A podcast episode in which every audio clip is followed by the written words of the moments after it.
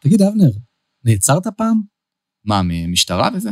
כן, כל העסק, שוטר שבא ועוצר אותך, אזיקים, מעלה לניידת, כל זה. לא, האמת שעוד לא קרה, אבל אני עוד צעיר, מי יודע, אולי עוד יקרה. זהו, היית מוכן להיעצר בשביל להילחם במשבר האקלים? תראה, כמו שאתה מכיר אותי, ואתה רואה, אני נלחם במאבק האקלימי בדרכים אחרות. אבל תשמע, ההפגנות על האקלים אה, עד היום מאוד לא אלימות, אז אני לא רואה אנשים שנעצרים יותר מדי. או, אולי פה הבעיה, כל ההפגנות האלה כל כך נחמדות. כמה כבר אפשר לשנות כשאתה מתנהג בנחמדות? אני איתך פה, נדן. אבל מה אתה בעצם מציע?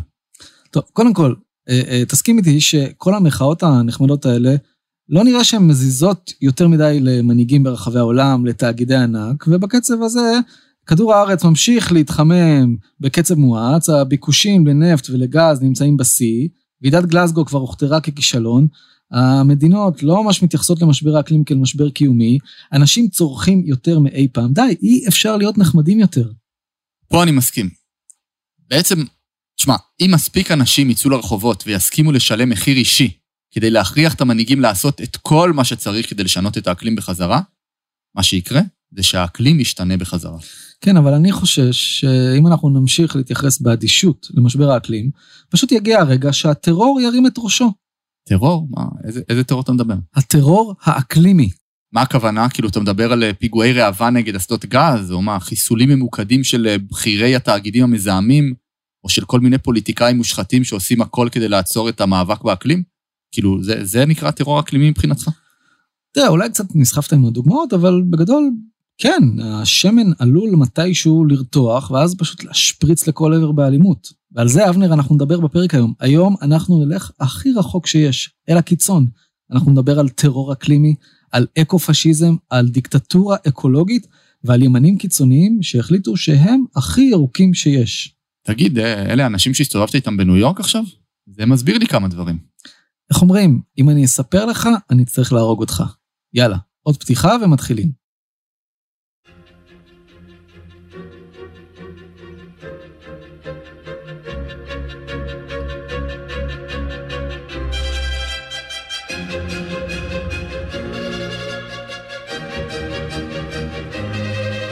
האקלימיסטים, הפודקאסט הישראלי על משבר האקלים, עם נתן פלדמן ודוקטור אבנר גרוס.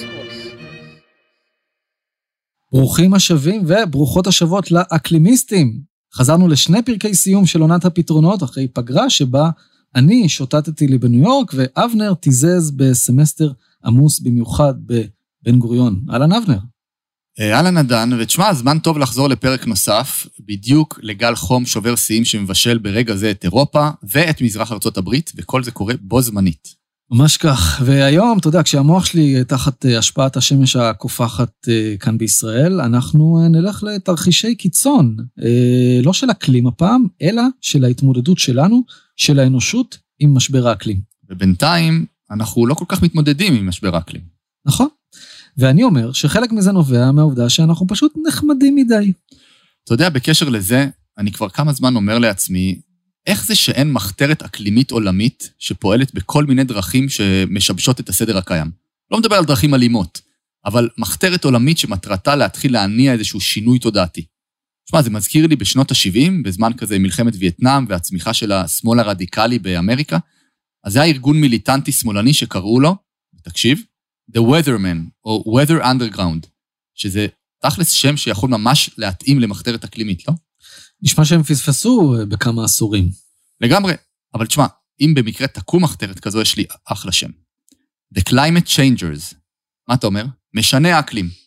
ולדעתי העובדה שעוד לא קם ארגון עם שם כזה, רק מראה כמה אנחנו לא יצירתיים בעולם הזה. אה, בגדול, אה, כן, שם, שם לא רע, למרות ששם כמו משנה האקלים אפשר גם לתת לחברות הדלקים, לא? האמת שיש בזה משהו, יכול להיות שמה שאנחנו צריכים לעשות בקופירייטינג החדש שלנו זה לקרוא למי שתומך בהתעלמות ממשבר האקלים כמשנה אקלים. כאילו נגיד מילת גנאי כזאת. נגיד, דונלד טראמפ הוא משנה אקלים, כי בפועל הוא עושה הכל כדי שהאקלים ישתנה. ישתנה לרעה. אה, כן, תראה, אבנר, בזמן שאתה ממציא שמות לכל מיני מחתרות שעדיין לא הוקמו, אה, הייתי רוצה שתדע שכבר יש כמה ארגונים ומחתרות כאלה. ומי מי למשל?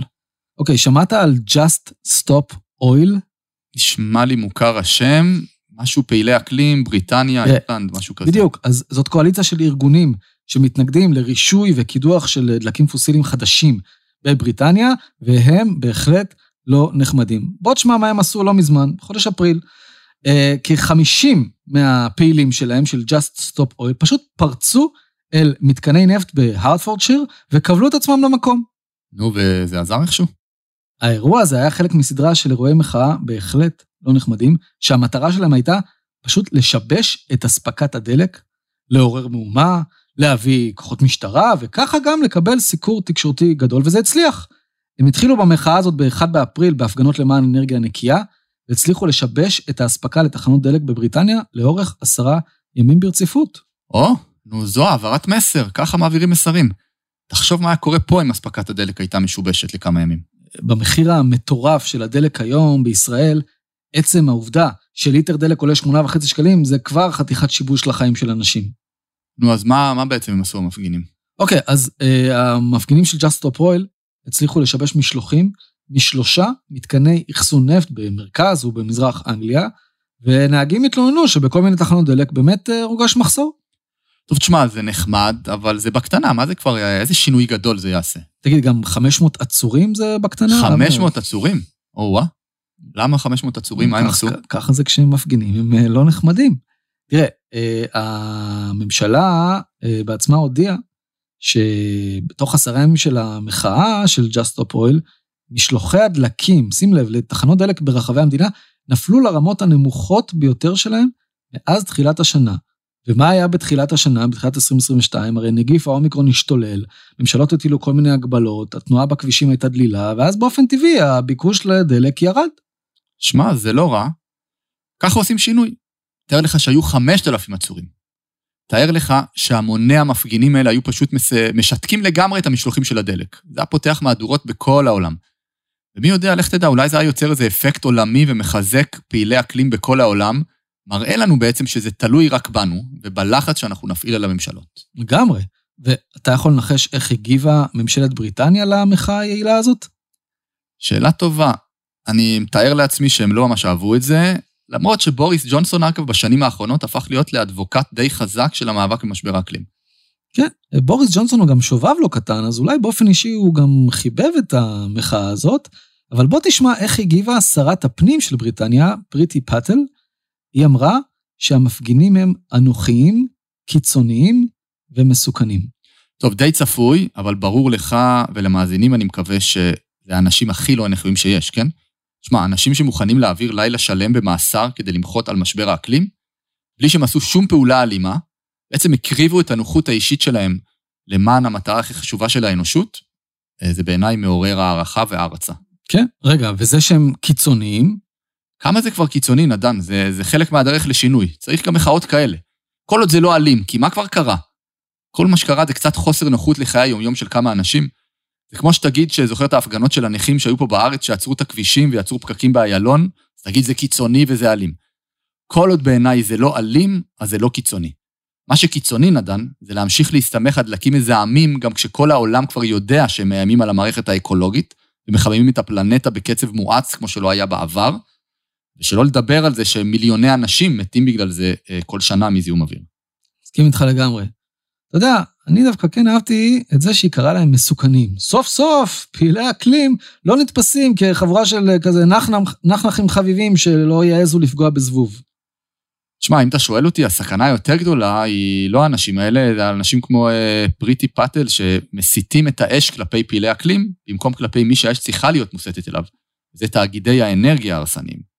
וכל עוד שרים יתנהלו ככה, אין לנו כל כך סיכוי לשנות באופן עמוק את הדרך שבה פועלת השיטה הכלכלית, אה, ולהפסיק לשרוף דלקים בעצם. ואתה יודע מה עוד התברר?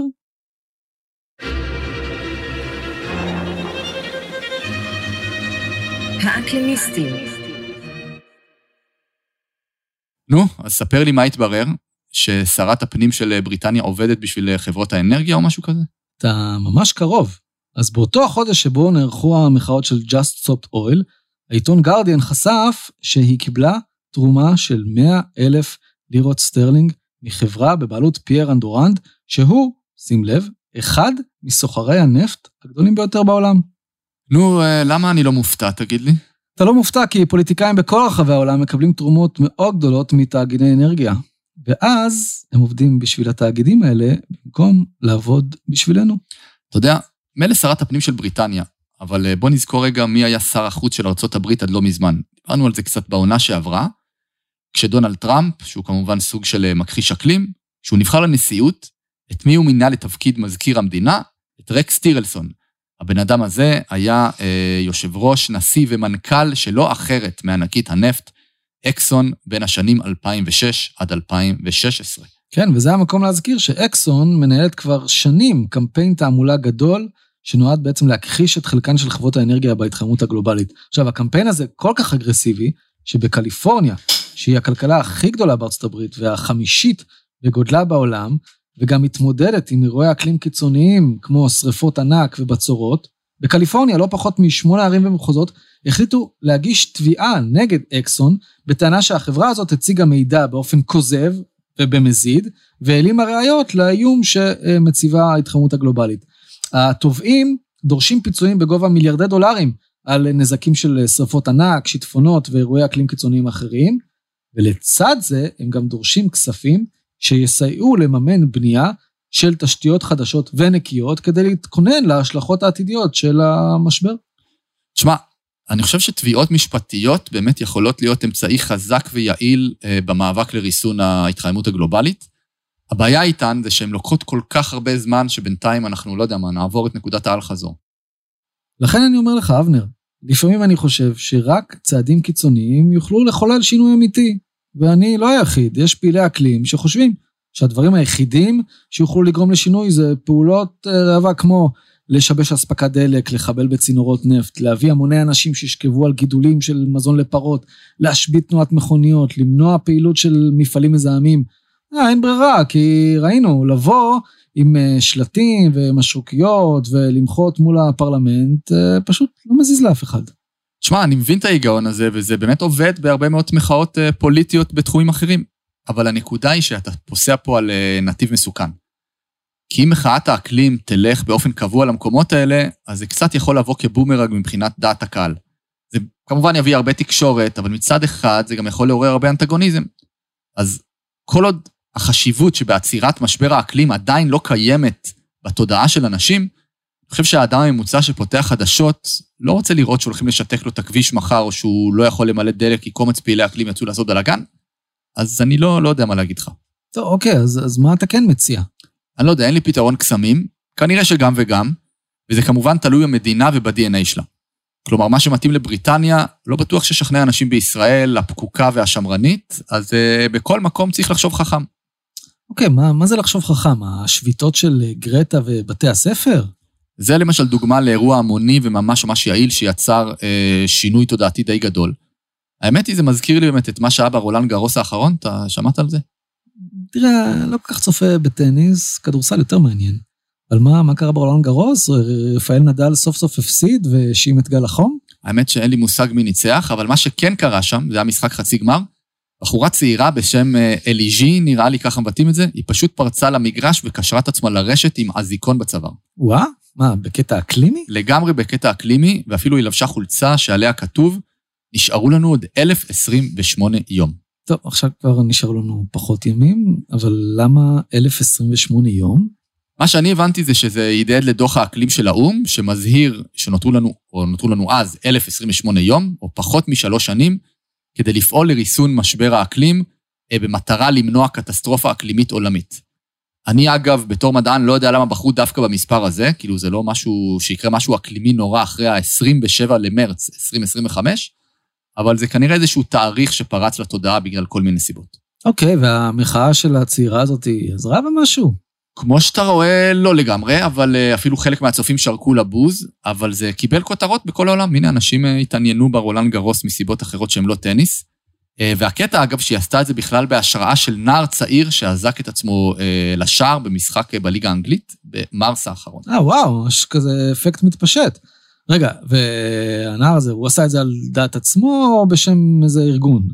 שמעת פעם על Just Stop Oil? גדול. יפה. תגיד, אגב, בין כמה הנער הזה? צעיר, אני יודע, 15, 16. אחרי זה ראיינו אותו לתקשורת והוא אמר, הגיע הזמן להפסיק לשבת בחיבוק ידיים ב-2022. אה, העתיד שלי שחור והממשלה ממשיכה לומר שהכל תקין. צריך להדגיש לכולם, משבר האקלים אמיתי. כן, זה העתיד, אבנר, אתה יודע, אם הוא מתחיל ככה בגיל 15, פורץ למגרש, קושר את עצמו באזיקון לשער, לך תדע מה הוא יעשה בגיל 20. יאללה, אני מקווה שהוא ימשיך ככה, אבל רק שלא יבצע איזה פיגוע טרור אקלימי. כל עוד זה לא פוגע בחיי אדם, אני בעד. האקלימיסטים, הפודקאסט הישראלי על משבר האקלים. תגיד, אבנר, היית מוכן לחיות במשטר טוטליטרי בשביל לפתור את משבר האקלים? מה? ברור שלא. תגיד, מה שתית שם בניו יורק? לא, לא, אני, אני שואל ברצינות. תחשוב רגע, האם היית מוכן למסור את החופש האישי שלך ושל המשפחה שלך, אם היו אומרים לך שזה מה שיפתור את משבר האקלים, דיקטטורה אקולוגית. אבל זה לא בחירה בין זה לבין זה. מה אתה קושר לי פה דיקטטורה ומשבר אקלים? אם כבר, אגב, הדיקטטורות הגדולות בעולם, כמו סין, רוסיה, סעודיה, איראן, הן גם מהמזהמות הכי גדולות שיש עם כל הנפט שהן תלויות פה. אוקיי, אבל מה אם אני אומר לך שיש אנשים שחושבים שכדי לפתור את משבר האקלים, אין ברירה אלא להקים דיקטטורה. אז אני אומר לך שזה נשמע לי מופרך, אבל אני הייתי רוצה לשמוע עוד. אוקיי, שמעת פעם על אקו-פשיזם? כן, והנחתי שלשם אתה הולך. אוקיי, יופי. אז תראה, אבנר, כשאני קראתי על אקו-פשיזם, הסתחרר לי הראש, ואני לא חושב שזה היה מהחום. זה, זה מודל משטר שנשמע כמו איזה, אתה יודע, משהו שנלקח מאיזה מותחן הוליוודי עתידני, איזה בלייד ראנר כזה של משבר האקלים. נו, אז מה למדת על זה במחקר שעשית? אוקיי, אז ככה.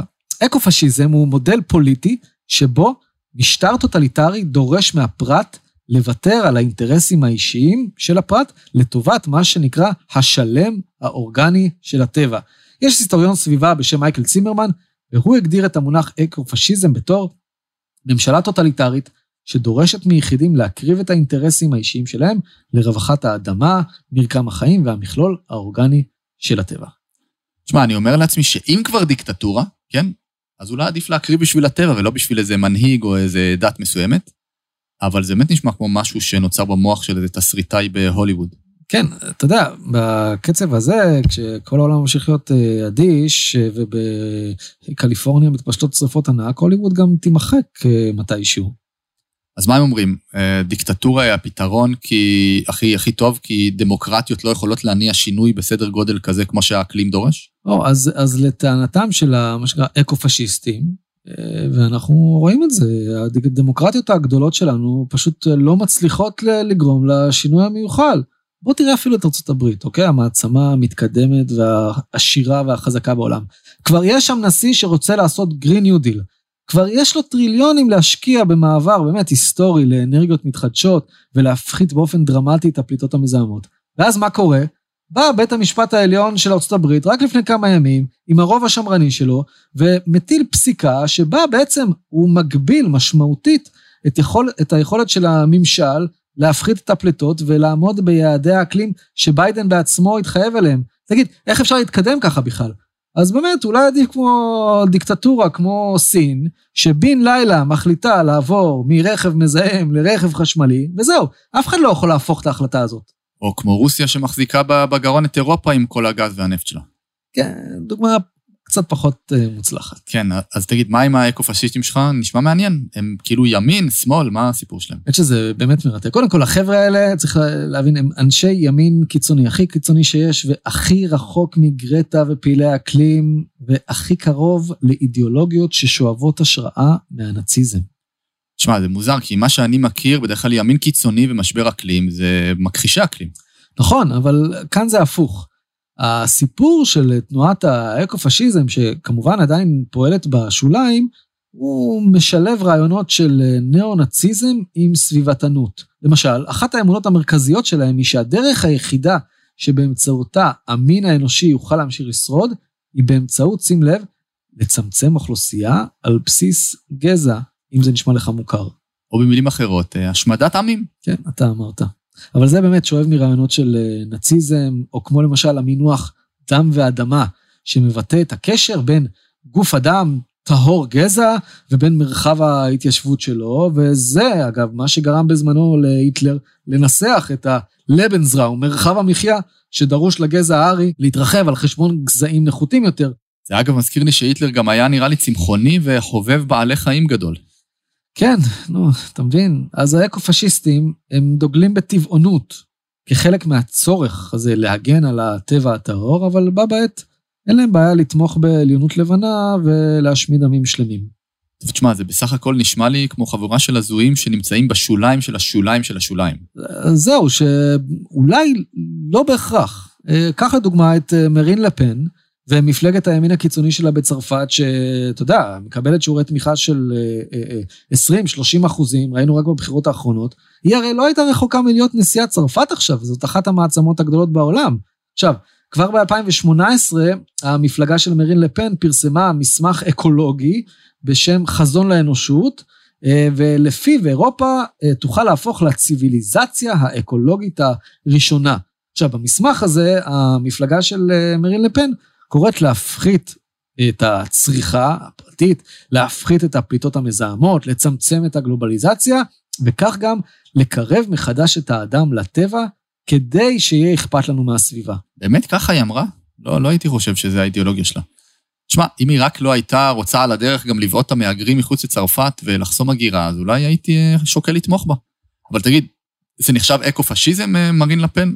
אני לא יודע, לא בטוח. מעניין אותי, אגב, מה יקרה כשיהיו אסונות אקלים בצפון אפריקה או במזרח התיכון, שכבר השנה אנחנו רואים אותם וזה ילך ויתעצם עם השנים. תחשוב על כל הגלים של המהגרים שהתדפקו על אה, שערי צרפת. אז מעניין אם גם אז מרין לפן תגיד, חברים, אנחנו בעד חיבור לטבע, בואו תתכבדו. אה, בואו תתכבדו, אלא אם כן אתם אה, מוסלמים, לכן כבר אין מקום, אז אולי עדיף שתישארו בחוץ. זה כמובן המצע של אה, מרין לפן, אבל בואו נלך יותר רחוק מזה. בואו נלך באמת לקיצון. יש אקו-פשיסטים שפשוט החליטו לקחת את החוק לידיים.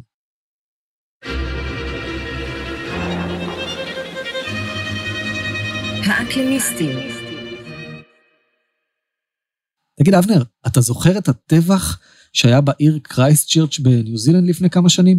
כן, אחד האירועים המזעזעים שאני זוכר. בוא, אולי נזכיר מה בדיוק קרה שם? זהו, אתה יודע, במדינות uh, מערביות, אנחנו התרגלנו לצערנו לפיגועים שמבצעים מוסלמים נגד מטרות uh, מקומיות. ראינו עשרות פיגועים uh, קטלניים כאלה בצרפת, גרמניה, בלגיה, גם ארצות הברית. כאן, בקרייסט צ'רץ', אה, ב-2019, היה מקרה בדיוק הפוך. צעיר אה, לבן, נוצרי, בן 28, בשם ברנטון טרנט, נכנס למסגד בעיר בשעת צהריים, ופשוט התחיל לרסס מתפללים בנשק חם. הוא רצח 51 איש ופצע עוד 47, וגם דאג לשדר בלייב את כל הטבח הזה בפייסבוק. בפייסבוק? לא היה טיק טוק אז, אה? תשמע, אבל זה מטורף. מה, מה הקטע שלו? אז הקטע שלו היה אקו-פשיזם. שים לב לזה. לפני שהוא יצא לטבח הזה במסגד, הוא פרסם מסמך של 74 עמודים נגד מוסלמים, ששם הוא גם ביטא רעיונות של אקו-פשיזם. הוא אה, ציין שהוא אקו-פשיסט, והוא כתב שם בין היתר שהמוסלמים במדינה, כלומר בניו זילנד, הם קבוצה גדולה של פולשים שלדבריו מבקשים לכבוש את האדמות של העם שלי ולהחליף את בני עמי מבחינה אתנית. והוא בכלל מאוסטרליה. אה, הוא נידון ל-51 מאסרי עולם, אחד על כל אדם שרצח. טוב, זה, זה כבר באמת טרור אקלימי, אבל הפעם ממש אלים ודווקא מהצד השני של המתרס, אה, בניגוד למה שדיברנו עליו בהתחלה. כן, אה, ולצערנו הוא לא היחיד. כמה חודשים אחרי זה בוצע עוד טבח אה, בהשראת הטבח בקרייסט צ'רץ', אבל במקום מאוד רחוק משם, באל פאסו, טקסס, ארה"ב. צעיר בן 21 בשם פטריק ווד, פטריק ווד קרויזוס, נכנס לקניון ופשוט התחיל לטבוח באנשים. הוא רצח 22 איש, וגם במקרה הזה הוא פרסם איזה מין מניפסט כזה עם אלמנטים אקו-פשיסטיים, ובו בין היתר הוא כתב שהשמדת הסביבה יוצרת נטל גדול על הדורות העתידיים, ואנחנו נוכל לחיות חיים בני קיימא רק אם ניפטר ממספיק אנשים. ואיך הוא קרא למניפסט הזה, אבנר? אקו-פשיסטים לשלטון. לא בדיוק. אתה זוכר איך קראו לסרט האקלים של אלגור? אמת מטרידה. ככה הוא קרא לזה? כן. רק שאתה יודע, האמת שלו פי אלף יותר מטרידה.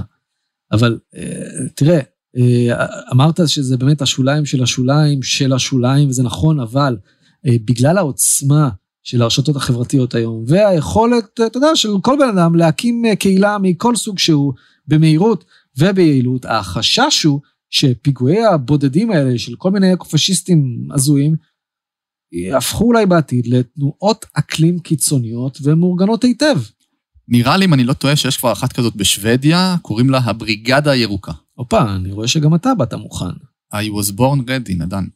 הבריגדה הזאת היא קבוצה אקולוגית פשיסטית, שמקושרת לכל מיני ארגונים ניאו-נאצים בארצות הברית דווקא, והיא פעלה במשך שנה, לדעתי ב-2019 או ב-2020, עד שכל החברים שלה נתפסו ונעצרו על ידי משטרת שוודיה, והפעילים שלה נקטו אה, לאורך הדרך כל מיני פעולות ראווה, כמו להצית מבנים בחוות ולתעד את זה באינטרנט, וכשנעצרו שני ראשי הארגון, התברר אגב שהם תכננו לבצע פיגועי תופת ולהתנקש בשופטים אפילו.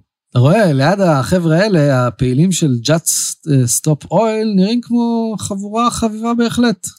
כן, לא יודע אם הייתי רוצה להיתקל בהם ליד איזה תחנת דלק. נו, אז מה אתה אומר? עכשיו, אתה מוכן לצאת לאיזה מתקן נפט ולהיעצר? תן לי לחשוב על זה קצת.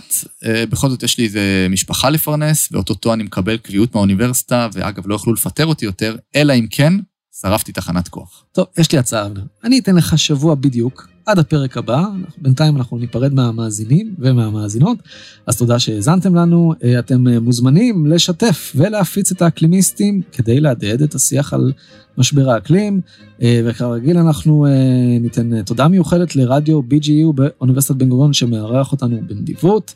נשלח אתכם עכשיו להוסיף עוקב בטוויטר האקלימיסט או בדף האקלימיסטים בפייסבוק. נשתמע בפרק הבא והאחרון של עונת הפתרונות. אל תחמיצו.